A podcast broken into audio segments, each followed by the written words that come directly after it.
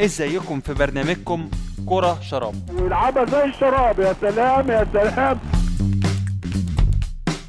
أهلا بيكم في سلسلة جديدة من حلقاتنا اللي بنسلط فيها الضوء على أهم ما شهدته كرة القدم تاريخيا.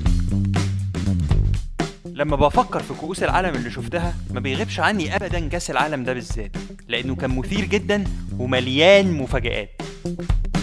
بطولة بتتلعب في بلد شعبيتها الأولى مش كرة القدم وكمان كأس العالم ده شهد تطبيق قواعد وقوانين من الفيفا أسهمت بشكل كبير في شكل الكرة الحالية. أنا متأكد إن معظمكم عرف أنا بتكلم عن أنهي نسخة من بطولات كأس العالم. النسخة اللي صورتها الأشهر هي خيبة أمل اللاعب الإيطالي روبرتو باجيو بعد ما حط الكرة في السماء. أيوة هو كأس العالم ده. 94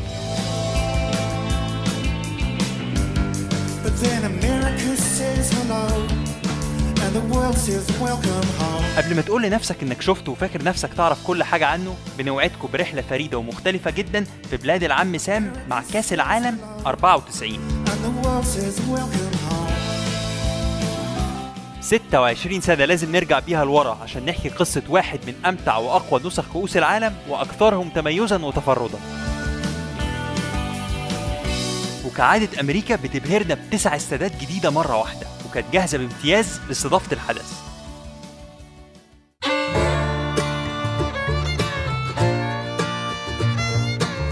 وبالأرقام النسخة دي بتعتبر أنجح نسخة وساعد على ده سعه وحجم الاستادات ونسب الحضور العالية.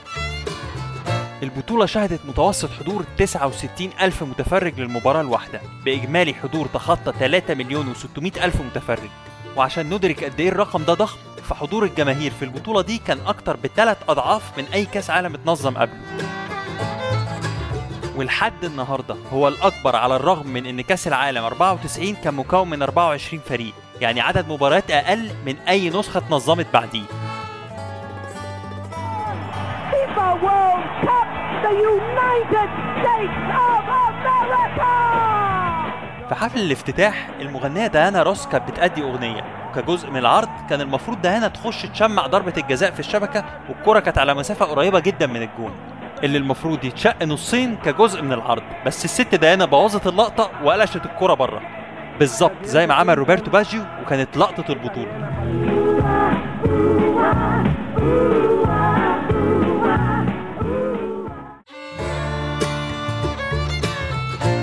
في عصر ما قبل الإنترنت وال social media وانتشار الدش كان كأس العالم هو الحدث الأبرز اللي بيديك الفرصة إنك تشوف كل اللعيبة الأفضل والأقوى والأحرف واللي بتسمع وبتقرأ عنهم. هو بوابتك الوحيدة للكرة العالمية اللي بتجمع فيها كل النجوم دول عشان يتنافسوا. وزي ما قلنا إن في حاجات كتير اتغيرت بعد الكأس ده فالنسخة دي من البطولة كانت آخر نسخة قبل عصر الاحتراف الكامل واللي ميل كفه إمكانية استقطاب النجوم لصالح الأندية الكبيرة. وقدرت إنها تكوش على كل اللعيبة الكبيرة. وبالتالي تكوين فرق كل لاعبتها من أفضل اللاعبين العالميين. الاحتراف أخذ كتير من بريق كأس العالم في إنه يكون الحدث الكروي الأبرز بمسافة كبيرة عن أي منافسة تانية. وبدأت بطولات تانية زي دوري أبطال أوروبا والدوريات المحلية يبقى ليها شعبية أكبر. لكن خلونا نرجع لبطولة واحدة لورا واللي هي كانت كأس العالم 90 واللي كانت أسوأ كأس عالم من حيث معدل تسجيل الأهداف. وانتهاء عدد كبير من مبارياته بضربات الجزاء الترجيحية ده سببه تأثر كتير من المدربين بأفكار كارلوس بيلاردو الدفاعية وهو المدرب الفائز مع الأرجنتين بكأس العالم 86 وتقديمه طريقة 3 5 2 بشكلها الدفاعي. ده خلى كتير من المدربين يمشوا على خطاف كأس العالم 90 واللي أفرز بطولة مملة بسبب لجوء معظم المدربين للدفاع.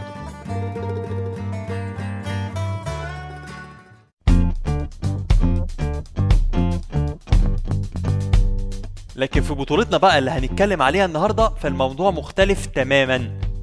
بطولة ممتعة هجومية ومليانة جوان. كفاية إني أقول لك إن إيطاليا بجلالة قدرها تخلت عن الكاتيناتشو وكانت بتلعب 4 4 2 مع المخضرم أريجو ساكي. مش بس إيطاليا معظم الفرق تخلت عن الليبرو زايد في خط الظهر اللي بدأ يزيد لقدام شوية ويبقى ليه أدوار أكتر في نص الملعب وبناء اللعب. كأس العالم 94 كمان شهد تغيير في نظام النقط. وأول مرة هنسمع كلمة الحمد لله كابتن على الثلاثه بونت بعدين الثلاثة بونت راحوا فين يا مهيب؟ الثلاثة بونت راحوا فين؟ كانت أول مرة يتم احتساب ثلاث نقط للفايز بدلا من اتنين في دور المجموعات. لتشجيع الفرق على السعي للمكسب بدل اللعب على التعادل. نفس كأس العالم ده برضو كانت آخر بطولة كأس عالم تتلعب ب 24 فريق وتسمح بتأهل ثالث المجموعة ضمن أفضل توالد لدور ال 16 عمالقة في كرة القدم غابوا عن كأس العالم 94 وأهمهم مهد كرة القدم إنجلترا اللي فشلت في التأهل من مجموعتها للنهائيات لصالح هولندا والنرويج. Oh, this is trouble now. It's there by Beckham. 2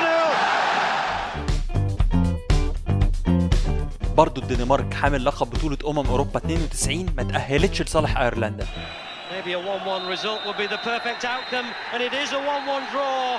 And the Republic celebrate what they believe is a passage to the World Cup in the United States. بس أكتر سيناريو مجنون في تاريخ تصفيات كأس العالم هو عدم تأهل فرنسا ل 94 نرجع بسرعة لمجموعة فرنسا في التصفيات. وقبل آخر ماتشين كانت فرنسا محتاجة نقطة واحدة بس للتأهل. الماتشين اللي فاضلين كانوا على أرضها. الأول مع إسرائيل أخير المجموعة اللي ما كسبش ولا ماتش. والماتش التاني قدام بلغاريا. في المباراة الأولى فرنسا فرطت في تقدمها 2-1 ولبست جونين في آخر 10 دقايق عشان تخسر 3-2 هزيمة غير مبررة من أضعف فرقة في المجموعة بالذات إن فرنسا فازت هناك 4-0 سهلة أهي. تاني ماتش قدام بلغاريا. كل اللي مطلوب من فرنسا إنها ما تخسرش. اتقدمت فرنسا في آخر ربع ساعة من الشوط الأول بجون لكانتونا. ردت عليه بلغاريا بجول قبل نهاية الشوط الأول. الماتش استمر على كده لغاية الدقيقة 90 هجمة وصلت لجينولا البديل على حدود منطقة جزاء بلغاريا ناحية اليمين.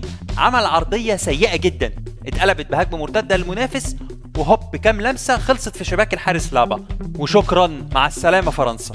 Attention Kostadinov Et but À 10 secondes! C'est la fin! À 10 À secondes 10 de la fin! secondes, Kostadinov qui m'a... الموهوب الواعد جينولا اتاخد كبش فدا بسبب عرضية طايشة وعمره ما كان ليه أي بصمة بعد كده مع منتخب فرنسا. عرضية واحدة خلصت على لعيب محدش يقول لأحمد فتحي بقى. طلع أحمد فتحي ولكن فين يا فتحي؟ كلاكيت ثالث مرة. تخيل بقى معايا فرقة فيها كانتونا وديسايي وديشون وبلان وبيتي وأحسن لعيب في العالم سنة 91 بابان. فرطت في بطاقة التأهل لصالح بلغاريا اللي هتثبت للعالم كله إنها اتأهلت عن جدارة. نيجي بقى للفرق اللي وصلت. اتوزعت المنتخبات على ست مجموعات كل مجموعة أربع فرق. بتأهل أول وتاني من كل مجموعة بالإضافة لأحسن أربع توالد المجموعة الأولى أمريكا صاحبة الأرض والجمهور. كولومبيا اللي بيليه رشحها للفوز بالبطولة بعد تصدرها لمجموعتها في تصفيات أمريكا اللاتينية فوق الأرجنتين. رومانيا مع مارادونا البلقان جورجيو هاجي ومعاهم سويسرا. المجموعة الثانية البرازيل اللي غايب عنها اللقب من سنة 70 الكاميرون مفاجأة 90 بقيادة العجوز ميلا. ده غير روسيا بالإضافة لمنتخب السويد أحد مفاجآت البطولة. المجموعة الثالثة ألمانيا حامل اللقب بوليفيا. أسبانيا فريق كله مدربين جوارديولا لويس إنريكي هييرو ولوبوتيجي وكوريا الجنوبية. المجموعة الرابعة الأرجنتين بقيادة مارادونا نيجيريا بطل أفريقيا بلغاريا اللي معاها نجم برشلونة ستوتشكوف واليونان أحد الفرق اللي بتشارك لأول مرة. المجموعة الخامسة إيطاليا ونجمها روبرتو باجيو بشعره المميز المكسيك جمهورية أيرلندا والنرويج. المجموعة الأخيرة واللي ضمت أول مواجهة عربية في تاريخ المونديال فيها بلجيكا المغرب الطواحين الهولندية السعودية في أول مشاركة ليها.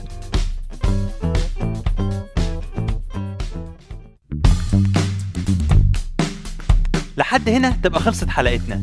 الحلقة الجاية هنخش في الجد والمتعة الحقيقية وبداية الدور الأول واللي هنشوف فيه أداء ومفاجآت من أغلب الفرق المستجدة على كأس العالم. استنونا الحلقة الجاية. ما تنسوش تعملوا لنا like على فيسبوك صفحتنا كورة شراب. اللوجو بتاعنا علامة الشراب بالخلفية الأصفر والأخضر. هتلاقوا هناك صور لكل الأحداث اللي اتكلمنا عليها في الحلقة دي والحلقات الجاية واللي فاتت. وهنرد على كل تعليقاتكم على at كورة شراب واحد ستة. و subscribe على بوديو يوتيوب عشان تشوفوا وتسمعوا أكتر. نشوفكم الحلقة الجاية وكورة شراب.